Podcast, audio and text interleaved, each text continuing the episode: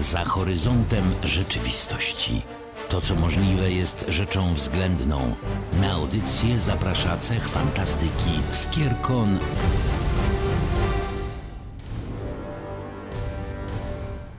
W pierwsze październikowe niedzielne popołudnie witamy Was w odmętach Kosmir. Tu Aurelion. I Chili, cześć. Cześć. Pierwszy raz w tym sezonie, czyli z Tobą, będę gaworzył o tematach bardzo poważnych i tematach bardzo ważkich. Będziemy rozgryzać i rozkładać na książki pierwsze jednego z naszych ulubionych autorów, niezrównanego Brandona Sandersona. To prawda, wszystko co powiedziałeś to prawda. Dzisiaj skupimy się na czymś, co on popełnił był w czasie, kiedy wszyscy leżeli w łóżeczkach i izolowali się od innych. I człowiek był się nudził. No i jak się człowiek nudzi, to różne pomysły przychodzą do głowy. Tak było. Szczerze powiedziawszy, kiedy przysłałeś mi link do wypowiedzi Sandersona na e, YouTube, gdzie on mówił o tych sprawach i w ogóle wszystkim opadły kopary, to i mnie kopara opadła, mi sobie, ło, to jest coś absolutnie niespodziewanego i na pewno to będzie coś wielkiego i nie mogłam się doczekać, ale tak naprawdę nie wiedziałam, jak długo trzeba będzie czekać i tak myślałam sobie, że do jakiegoś tam, prawda,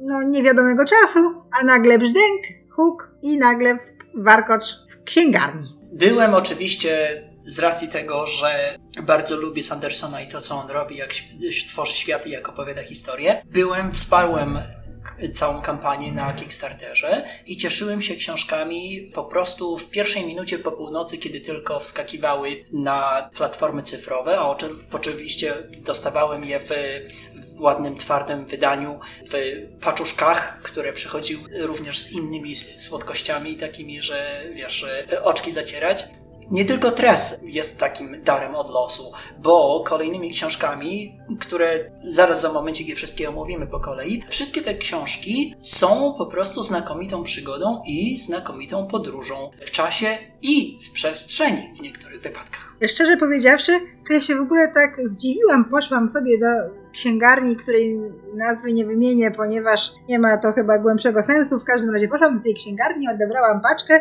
i patrzę i oczom nie wierzę. Warkocz ze szmaragdowego morza stoi tak sobie. To było coś niesamowitego, bo ja nie zdążyłam się naczekać, bo niczego nie oczekiwałam. Wchodzę, jest, kupuję i nagle się okazuje, że to jest jedna z najpiękniejszych książek, jakie czytałam ostatnimi czasy. To jest Sanderson w najlepszym wydaniu. Ta książka ma wszystko to, czego ja bym oczekiwała po książce Sandersona i więcej. To jest książka na miarę jakiejś, no nie wiem, Alicji w Krainie Czarów, nie wiem, no po prostu jakiejś takiej klasyki. To jest tak piękna mądra, dobra i na dodatek dowcipna, inteligentna przygoda, że o tej książce to powinno być strasznie głośno. Wszyscy powinni mówić: ludzie, ludzie, czytajcie to, bo to jest pokarm dla duszy. To jest pokarm dla duszy i to jest pokarm dla ducha, wydaje mi się. Ta książka czerpie z najlepszych wzorców właśnie literatury fantastycznej. Sam Sanderson, kiedy opowiadał o źródłach inspiracji dla tej książki, podniósł nieco innego, jak książkę z 1973 roku autorstwa Williama Goldmana pod tytułem jakim? Princess Bride. Oczywiście The Princess Bride. Nie uda się uniknąć już stylistycznie, językowo, nastrojowo i przygodowo, fabularnie porównań oczywiście między tymi dwoma dziełami. W związku z tym uchylmy tylko troszeczkę rąbka tajemnicy, co ta Tres tam przeżywa i dlaczego ona jest zupełnie inna niż Princess Bride. Ja tylko może wyjaśnię naszym słuchaczom, że ja posługuję się tytułami polskimi głównie, natomiast Aurelion amerykańskimi, ponieważ ja przeczytałam książki w tłumaczeniu, a Aurelion na bieżąco jak ciepłe bułeczki wsuwał je w stylu amerykańskim, więc stąd te pewne różnice. Niemniej jednak wciąż rozmawiamy o tych samych książkach. To taka mała dygresja. Ta książka mnie bardziej niż narzeczoną dla księcia kojarzyła się z książkami Gaimana, na przykład, na przykład, no nie wiem, nie chcę wymieniać konkretnych tytułów. Chodzi mi o to, że nie, nie chodzi mi o konkretną książkę, tylko chodzi mi o klimat, nastrój, ta normalność pomieszana z tajemnicą, ta codzienność pomieszana z magią, to jest po prostu Gaiman. A jeśli chodzi o bohaterkę, to rzeczywiście może Gwiezdny był, byłby tutaj najlepszym skojarzeniem. Na, natomiast tutaj chodzi po prostu o to, że magia może być codziennością, a codzienność może być magiczna. Nie wiem, czy nie rozumiesz. Rozumiem dokładnie to, co opisujesz, no bo te e, pyłki, które są elementami świata, na którym teraz żyje, są tak naprawdę manifestacją magii, która napędza cały kosmir. No i oczywiście Sanderson tak ukradkiem wprowadza nowe elementy kosmir do rzeczywistości naszej czytelniczej, natomiast te pyłki mają swoje własne potężne charakterystyki. No i oczywiście przyjemnością dla czytelników, jeżeli sięgniecie po te książki, do czego Was gorąco zachęcamy, będzie odkrywać, jakie te właściwości są i jak można te właściwości wykorzystywać, niekoniecznie w bardzo taki konwencjonalny sposób co czasami może się na przykład przyczynić do uratowania życia jednego, czy drugiego, czy dwudziestego ósmego. To może od razu powiedzmy, że cudowne było to, że Sanderson w książce Warkocz ze Szmaragdowego Morza odsłonił nam zupełnie nowe przestrzenie, zupełnie nowe światy w Kosmir i pokazał, że jeszcze coś tutaj się da tak opowiedzieć, żeby było nowe, a jednocześnie masz poczucie, że to miejsce, ta planeta była zawsze w Kosmir. Bo to jest niesamowite. To naprawdę jest cudowny puzelek, który trafia na swoje miejsce w całym Kosmir. Poznajemy wreszcie nie bohaterów, nie wspaniałych rycerzy, nie potężnych magów, nie postaci zmieniające świat, bo to jest ich przeznaczeniem. Poznajemy bohaterkę, która jest zwykłą, prostą dziewczyną. Oczywiście odznacza się bardzo cennymi zaletami ducha, ale rozpoczyna od jednostki zatrudnionej przy myciu okien i wypiekaniu pasztecików. Natomiast kiedy rzecz się kończy, dziewczyna przechodzi długą drogę, nawet można powiedzieć osobistą przemianę, ale to się wszystko tak dzieje, że nie ma fajerwerków. Jest praca, jest budowanie relacji z innymi postaciami, jest zdobywanie doświadczeń i jest korzystanie ze zdobytych doświadczeń. To jest tak, jakby ta warkocz naprawdę istniała. Serio, mimo że jesteśmy w Kosmir, ja mam poczucie, że czytam o miejscach, w których byłam, które znam dobrze. No to jest po prostu magia Sandersona. To jest doskonały punkt, który teraz podniosłaś i w mojej opinii nasza rzeczywistość tak bardzo nasiąknięta i przesiąknięta Hollywoodem ma tendencję do takich rewolucyjnych zmian. Do wiesz, takich szybkich kołowrotów zdarzeń, które kompletnie wywracają rzeczywistość na lewą stronę, na nicę, a okazuje się, że życie posługuje się tak naprawdę innymi prawami, że ewolucja człowieka, ewolucja charakteru, osobowości, no tak naprawdę jest procesem ciągłym, procesem gdzie takie małe, codzienne zmiany się kumulują i dopiero z, per, z, perspektywy lat, z perspektywy, wiesz, e, kilkudziesięciu miesięcy, możesz zaobserwować, co się w Twoim życiu zmieniło i jak bardzo. To był ten element, który tak mnie mocno z rzeczywistością związał w tej akurat książce, bo to jest to, czego doświadczam i Ty pewnie też jako nauczyciele doświadczamy tego, jako mentorzy y, studentów i młodszych dzieci. Widzimy to, że to nie jest kwestia y, odkrycia Nagrody Nobla, bo to owszem się zdarza, ale to jest, wiesz, tak jak wygranie w totolotka. Natomiast takie pozytywistyczne budowanie cegiełka po cegiełce, jeden mały projekt, jedno małe zadanie, jeden mały quest po drugim questie, będą po prostu w skali czasu się kumulować synergistycznie i owocować, no tak naprawdę w sumie rewolucyjną zmianą. A ja korzystam z tego podejścia, żeby to odwrotnie na zasadzie chińskiej odwrotnej i odwróconej inżynierii, starać się przybliżać młodym ludziom złożone procesy, ale właśnie w skali pojedynczych kroków. Czyli to nie jest tak, że wiesz, zrobisz magisterkę czy doktorat i to jest twój quest. Nie Twój quest to jest dzisiaj zrobisz to, jutro zrobisz to, pojutrze zrobisz to, w ciągu tygodnia osiągniesz mały kroczek do przodu, a potem możesz zacząć to opisywać. No i jak dodasz takie poszczególne tygodnie i miesiące do siebie, no to raptem w skali trzech czy czterech lat wychodzi ci potężna rzecz, którą udało ci się nauczyć i przekazać innym. To prawda. Warkocz ze Szmaragdowego Morza to jest również piękna opowieść o miłości, o różnych obliczach miłości, o lojalności, o wierności, o determinacji. Może to wszystko brzmi banalnie, ale Sanderson podaje to z przymrużeniem oka, z czułością i z tak taką sympatią dla swoich bohaterów. E, czytasz to z jednej strony jako no, element kosmir, a z drugiej strony jak piękną baśń, jak moralitet. A jeszcze, żeby było cudowniej, to pakował w to mojego ulubieńca Hojda i no to już jest w ogóle wisienka na torcie. O tym, że Hoyt macza palce, chyba we wszystkich tych książkach to będzie inna, inna historia na inny portal. Jak już się dowiemy o co chodzi z tym Hoytem tak naprawdę. Teraz, tak jak ty mówiłaś o małych puzelkach, próbujemy składać to wszystko do kupy rozsiane po różnych książkach. Ale to wszystko, o czym powiedziałaś, jest naprawdę zawarte w tej książce, w Warkoczu, tudzież e, Tress of the Emerald Seas. To, co mnie z kolei urzekło, to to, że ten humor nie jest humorem takim staroświeckim, że to wszystko jest, no, tak naprawdę relevantne i nowoczesne i podane nie w sosie beszamelu sprzed 120 lat, tylko z nowoczesną salsą. Ten Hoyt, ja mam wrażenie, że on mówi do nas, czytelników z ziemi, bo on się zwraca bezpośrednio, łamie tę czwartą ścianę, on mówi bezpośrednio do, do czytelnika tej opowieści i tak jakby on miał wrażenie, mam wrażenie, że on mówi do nas, ziemian w ogóle, po prostu y, to jest coś niesamowitego. Mamy, mamy szansę na chwilę być tam w tym kosmir. Ktoś wyciąga stamtąd do nas rękę. No, nie da się tego opowiedzieć, jeżeli ktoś z naszych słuchaczy nie jest jeszcze wciągnięty w odmęty kosmir, może nie rozumieć mojego entuzjazmu, ale móc być częścią tej opowieści, jako czytelnik, do którego bezpośrednio zwraca się narrator, którego serdecznie lubię, no nie, no to jest koniec świata. To jest, to jest absolutnie jakby święta przyszły wcześniej. Sanderson łamie tę konwencję czwartej ściany często gęsto w tych czterech książkach, które nazwijmy je pandemicznymi, na, bo, bo skróty myślowe są na wagę złota, bo szkoda powietrza. I e, Hoyt pojawia się w kilku z nich. Są szanse, że ten skakacz po światach,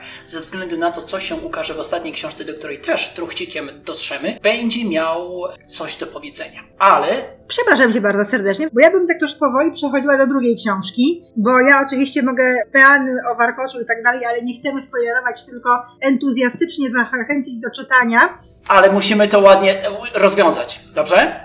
Staramy się to ładnie rozwiązać. W każdym razie Warkocz warto przeczytać, nawet jeżeli nie znacie Kosmir, ponieważ to jest książka sama w sobie piękna. To jest jak szkatułka z delikatnego drewna, w którym jest ukryty pod jakąś szarą, płócienną szmatką prawdziwy skarb. I nieważne, czy znasz Kosmir, czy nie, naprawdę wzbogaci cię ta książka. Potwierdzam, polecam pięć gwiazdek. A tymczasem ja chciałam się zapytać ciebie jako eksperta i znawcę Sandersona, gdzie u licha w drugiej książce o hmm, oszczędnego czarodzieja poradnik przetrwania w średniowiecznej Anglii, gdzie tu jest Hoyt? Powiedz mi, czego nie zauważyłam? Wydaje mi się, że Hoyt był jednym z pomocników, którzy tam się działali z, z tym naszym czarodziejem Bidulkiem. Że nie był nazwany, że nie był z imienia przedstawiony, tak jak w pierwszej i trzeciej książce. Wiesz co, ja się chyba za bardzo zasugerowałam tym, że jest napisane, że jest to samodzielna opowieść, która nie ma nic wspólnego z Kosmir. Okej. Okay. Angielskie wydanie chyba nie miało tej notki. Nie wiem dlaczego. Ja nie wiem, czy to jest notka na przykład gdzieś na, na tyle, ale e, czytając zapowiedź gdzieś e, na stronach księgarni, czytałam, że jest to niezwiązane z Kosmir. Natomiast gdybym tego nie przeczytała, to bym szukała Hojda oczywiście na stronach tej książki, a tak to być może straciłam czujność. To powiedz nam może, o czym jest oszczędnego czarodzieja poradnik przetrwania w średniowiecznej Anglii o oszczędzaniu i o tym, co się dzieje, kiedy nieopatrznie albo, albo patrznie przeniesiesz się w czasy, kiedy cywilizacja nie jest na tym etapie, na którym jest w Twoim codziennym życiu. I czarnoksiężnik musi rozwiązać kilka zagadek. Oczywiście to nie jest tak, że wszystko przychodzi letko i łatwo, tylko tam są no, prawdziwe problemy, z którymi się trzeba zmierzyć, bo taka podróż w czasie to nie pozwala ci na przykład przetransportować niczego ze sobą. W związku z czym przychodzisz na ten świat, jak cię bogowie stworzyli, no i sobie radź człowieku. To ja jeszcze może powiem w ogóle o co chodzi z tymi podróżami. Istnieje szansa w świecie, powiedzmy, wyjściowym, dla naszego bohatera, zakupienia sobie drogą kupna lub zuchwałej kradzieży, żeby za bardzo nie zaspoilerować, wymiaru. I tu mi się od razu kojarzy długa ziemia, cały ten cykl, czyli wymiaru gdzieś zbliżonego do naszej Ziemi, gdzie obecnie trwa średniowiecze, Taki wymiar możesz kupić dla siebie, udać się tam, oczywiście z oszczędnego czarodzieja poradnikiem przetrwania w średniowiecznej Anglii i zostać tam na przykład Bogiem, albo królem, albo uzdrowicielem, w zależności od tego, jaką opcję sobie wybierzesz, bo możesz ze swoją wiedzą na przykład uratować świat przed jakąś pandemią, albo przed najazdami barbarzyńskich plemion, albo co tam ci się podoba. Kupujesz sobie taki wymiar, jaki sobie wymarzyłeś i tam spędzasz być może nawet resztę swojego życia, chyba że chcesz wrócić, żeby się pochwalić, jakie przeżyłeś przygody, to możesz. Generalnie oszczędnego czarodzieja poradnik, ponieważ te wymiary nie są takie drogie. Przypuszczam, że są gdzieś jakieś y, opcje kupienia czegoś bardziej ekskluzywnego, drożej, z większymi zabezpieczeniami.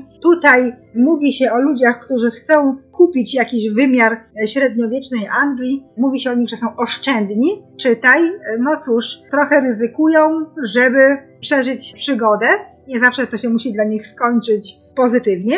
W każdym razie, co jest szczególnie zabawne, oszczędnego czarodzieja poradnik przetrwania w średniowiecznej Anglii, który występuje w tej powieści, no jest w strzępach i niewiele pomaga naszemu bohaterowi, dopóki nie zbierze go w całość, co nie jest takie proste. To jest niezła synopsis tego, co tam się dzieje w tej książce, bo tam się oczywiście dużo dzieje. Natomiast to, co mnie urzekło, to jest fakt, że wynalazek podróży w czasie pomiędzy wymiarami jest doskonale, jak to zwykle u Sandersona, podbudowany. Czyli to nie jest tak, że y, po prostu mamy, wiesz, taki black box i wyskakują z tego wymiary jak diabły z pudełka, tylko owszem, tam jest cała statystyczna nadbudowa do tego, że owszem, w zależności jak daleko jesteś na skali prawdopodobieństwa, tyle będziesz musiała zapłacić za dany wymiar, żeby miał to czy tamto, czy owamto. W zależności od tego, jak ciężko jest, y, nie wiem, znaleźć smoki w twoim wymiarze, albo spowodować, żeby nie było zarazków, albo żeby były, byli kosmici, wiesz, obecni w Twoim wymiarze,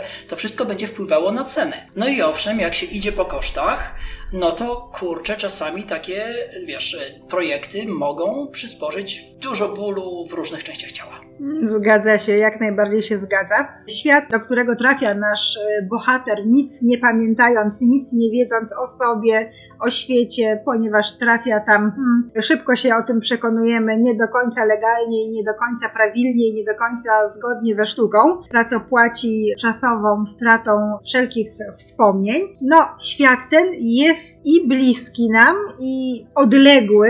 Nie jest to świat po prostu jeden do jednego przełożony z Anglią średniowieczną, którą znamy z historycznych publikacji. I ma to swój urok. Po pierwsze, daje większe pole manewru Sandersonowi, a po drugie pozwala pokazać ten świat, by był bliski współczesnemu odbiorcy. To, o czym teraz przed chwileczką powiedziałaś, podsunęło mi jeszcze jedno chyba potężne nawiązanie. Mianowicie zauważyłem, czytając tę książkę, inspirację projektem, po angielsku powiem tytuł, The Project Holy Mary. Mianowicie też na początku dostajemy bohatera, który się budzi, no i próbuje dodać, wiesz, jeden do jednego i rozsupłać, o co tutaj biega. To podobieństwo jest oczywiście tanim, ale zabiegiem stylistycznym, który po prostu pozwala Sandersonowi prowadzić nas za nos pokazać świat, przedstawić świat i w związku z tym wchodzimy tak, no w sumie bezboleśnie do tej rzeczywistości średniowiecznej, próbując odnaleźć jakie inne elementy układanki i jakie inne, wiesz, nasionka i, i skórki od chleba nam podrzuci po drodze.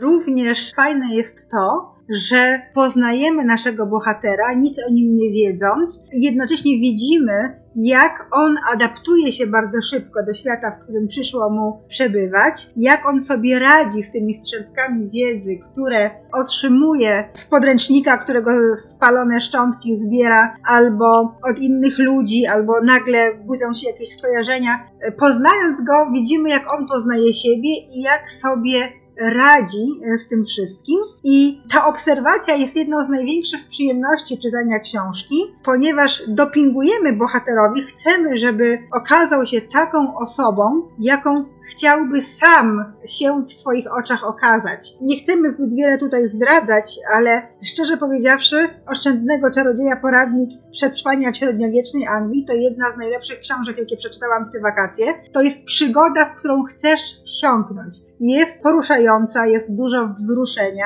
są no, pełnokrwiste postaci, są takie plot twisty, których oczekuje się od książki przygodowej, jest humor, jest romans, który nie jest taki oczywisty, nie jest banalny. Są bardzo ludzcy bogowie. Niebywała sprawa, naprawdę warto to przeczytać. To jest najlepsza rozrywka, jaką można sobie zafundować na jeden lub dwa, w zależności od tego, ile mamy czasu, wieczory. Szczerze powiedziawszy, jak zaczęłam to czytać, to nie mogłam się oderwać, no i skończyło się to zarwaniem nocki, ale no chciałam wiedzieć, jak to się kończy i zakończenie mnie usatysfakcjonowało, więc tyle powiem. Ci, którzy mnie znają, wiedzą, jaki typ zakończenia musiał tu nastąpić, żebym ja była usatysfakcjonowana, ale jeśli to powiem, to będzie spoiler. Nie ukrywam, że ja oczekiwałem troszeczkę innego zakończenia, ale owszem, to, które nam autor zapodał, było jak najbardziej akceptowalne i w związku z tym przyjmuję, że to była jego, wiesz, wolność e, artystyczna i akceptuję to jako jego wybór, który wystarczająco dobrze udokumentował. Natomiast, żeby nie zasiedzieć się zbyt długo w tej, wiesz, średniowiecznej Anglii i gdziekolwiek by indziej, co powiesz na rozdwojone umysły? Zanim powiem cokolwiek, to chciałabym powiedzieć, że teraz, kiedy omawiamy te książki po kolei, ja widzę w tych książkach jeszcze jedną rzecz. Tęsknotę Sandersona zamkniętego w domu podczas pandemii, tęsknotę Sandersona do wolności, do podróży, do przygody, do działania. On, wchodząc w świat pisanych przez siebie książek, po prostu przeżywał przygody, których nie mógł przeżyć, nie mógł się spotykać z ludźmi, nie mógł podróżować tam, gdzie chce, więc był na wewnętrznej emigracji w cudownych światach, które naprawdę dziś my mamy przywilej odwiedzić dzięki niemu. Taka refleksja.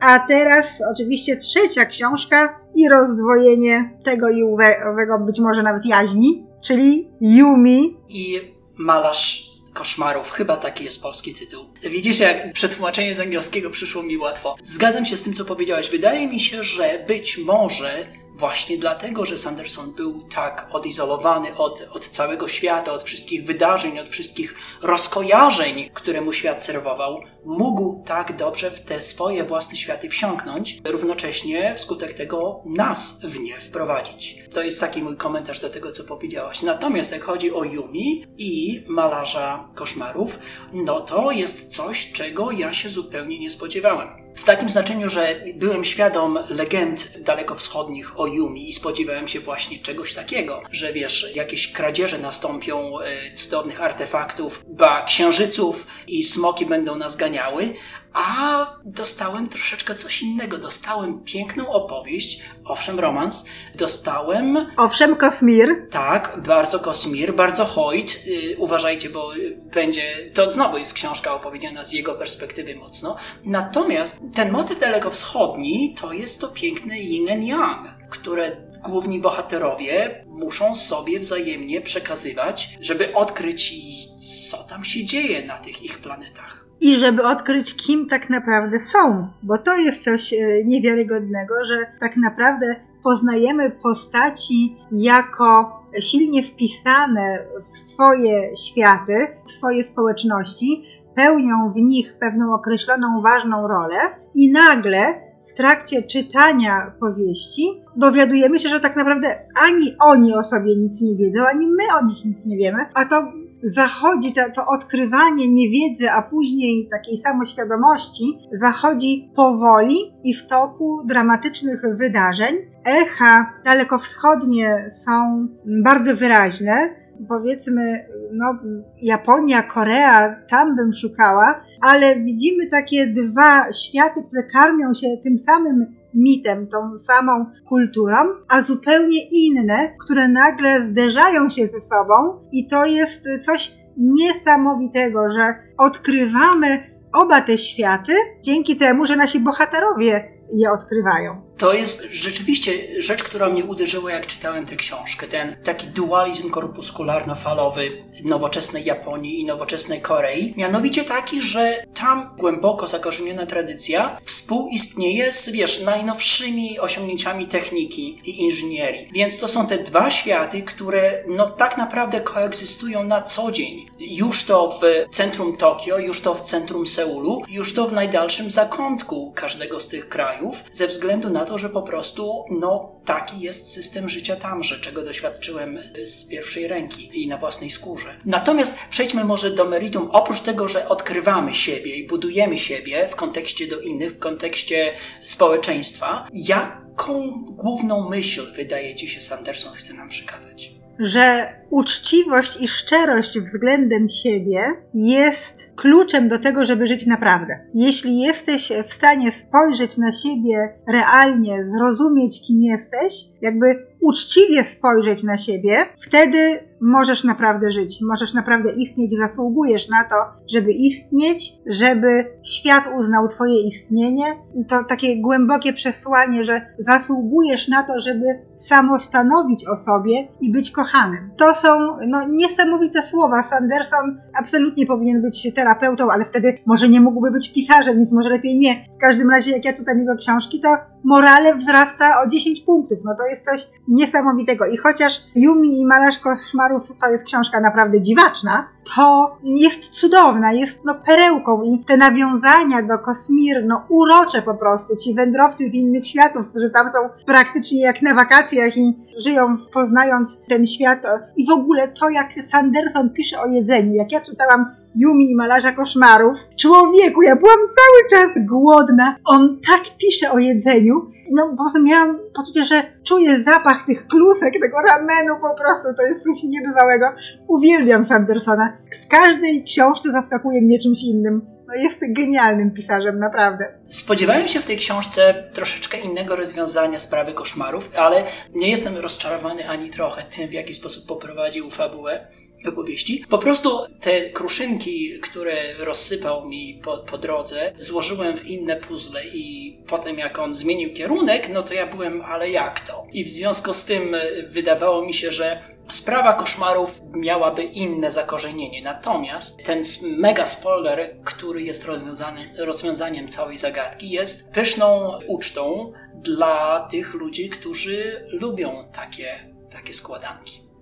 Klimat, niespieszny klimat, tak subtelnie malowane postaci, tło. Wydaje mi się, że wyobraźnia i intelekt Sandersona no, nie znają granic. On potrafi przełożyć obrazy, które ma w wyobraźni na słowa, które oddziałują na wyobraźnię czytelników, wciągają w opowieść. No, mam wrażenie, że ta opowieść mnie otacza ze wszystkich stron, jakbym tam była. No, to jest coś niebywałego. Yumi y, i Malarz Koszmarów chyba to jest najtrudniejsza z tych trzech książek, które dotąd opisywaliśmy dzisiaj. Niemniej jednak warta jest wysiłku, warta jest przeczytania do końca. Książka ma więcej niż jeden epilog, w związku z tym naprawdę zakończenie może nas zaskoczyć. To jest książka, którą e, dostaliśmy na początku czerwca. Może wy, bo ja w sierpniu. Dobrze, ci, którzy zapłacili 600 dolarów, dostali książki na początku czerwca, a y, na dniach zupełnie wskakuje ostatnia książka na tej pandemicznej liście, których oczekujemy. Ta książka ma tytuł The Sunlit Man, czyli oświecony człowiek, człowiek w świetle słońca i ta książka będzie opowiadała historię innego kroczącego przez światy. I z tego względu mocno podejrzewam, czuję w kościach i, i, we wszystkim innym, że tam Hoyt będzie maczał palce ze względu właśnie na to, że człowiek, który przychodzi przez różne światy, będzie musiał być w jakiś sposób szkolony przez Hoyda. Jak poczytałem o głównym bohaterze, którym to głównym bohaterem jest Sigzil, postać, którą znamy z pierwszego tomu. Tak, tenże sam Sigzil, którego znamy z czwartego mostu i, i który był w tym zakonie śmigaczy wiatrowych. A niech mnie. Otóż tenże Sigzil owszem był trenowany przez Hoyda właśnie w sprawie kroczenia między światami, i jest dotknięty przez te największe istoty, przez odpryski Adonazjum, przez te najważniejsze elementy kosmir. No i ten człowiek nie jest w stanie walczyć. Nie jest w stanie nawet się bronić i w ten sposób szkodzić innym, spowodować komuś uszczerbek na zdrowiu. Więc to jest, wydaje mi się, historia o tym, jak zjednywać sobie świat, mając no, ostro pod górkę. No bo kiedy wszyscy mogą ci zrobić cokolwiek, a ty nawet nie możesz siebie włas własnymi rękoma obronić przed e, właśnie utratą zdrowia, no to to jest mega challenge taki, więc zacieram mocno łapki e, na to, kiedy ta książka trafi na mój czytnik i to będzie, wydaje mi się, e, no taki mocny finał, jak chodzi o ten maraton pantomiczny Sandersona. No teraz mi powiedziałeś, teraz to już czekam strasznie. Mm. Trzeba powiedzieć absolutnie z dużą dozą pewności, że Sanderson nie zmarnował tej pandemii. To był czas efektywnie wykorzystany, wspaniały i bez dwóch zdań wszyscy mamy teraz z tego korzyści. Co z tym czasem zrobił e, Sanderson? Ja jeszcze bym chciała dodać, jeśli chodzi o te trzy książki, o których mówiliśmy, to one, każdy z nich zawiera inny obraz miłości, inną historię miłosną i widać, że Sanderson pisał te książki czule myśląc o swojej żonie, którą niezmiernie kocha i która pilnuje jego pleców i współpracuje z nim w jego pracy, widać było, te książki są wyznaniem miłości do niej. I on nawet tego za bardzo nie ukrywa. On w tych wszystkich przedmowach pisze o tym. I to jest coś absolutnie wspaniałego, że miłość może inspirować do tworzenia tak niezwykłych, cudownych dzieł, które są radością. Radością dla ducha i intelektu czytelników pokornych, którzy czekają na kolejne odpryski imaginacji Sandersona. A jak chodzi o nasze odpryski, a jak chodzi o naszą imaginację i te różne mroczne zakątki i takie kąciki, które przemierzamy, no to oczywiście tych jest co niemiara i będzie nam bardzo przyjemnie, jeżeli zechcecie z nami podróżować po tych wszystkich uniwersach. I w związku z tym zapraszamy Was na takie podróże do odkrywania światów nie tylko Sandersonowych, do odkrywania najróżniejszych wymiarów popkultury. Nasze poprzednie audycje i przyszłe możecie znaleźć w wielu różnych źródłach. Publikujemy je co tydzień na YouTubie i na Spotify'u, ale również na naszej stronie cechowej skierkon.pl oraz na dedykowanej stronie facebookowej również skierkon. Także zapraszamy Was do odsłuchiwania i koniecznie podzielcie się z nami Waszymi opiniami, która z dotychczasowych książek Sandersona podobała Wam się najbardziej i dlaczego Warbreaker, albo powiedzcie nam, dlaczego Hoyt ma tak duży nos. Dzięki, że byliście z nami. Dzięki Aurelionie. Miło było z Tobą pogadać o tych wspaniałych książkach. Polecamy, czytajcie je. Czytajcie, czytajcie. Cześć. Cześć.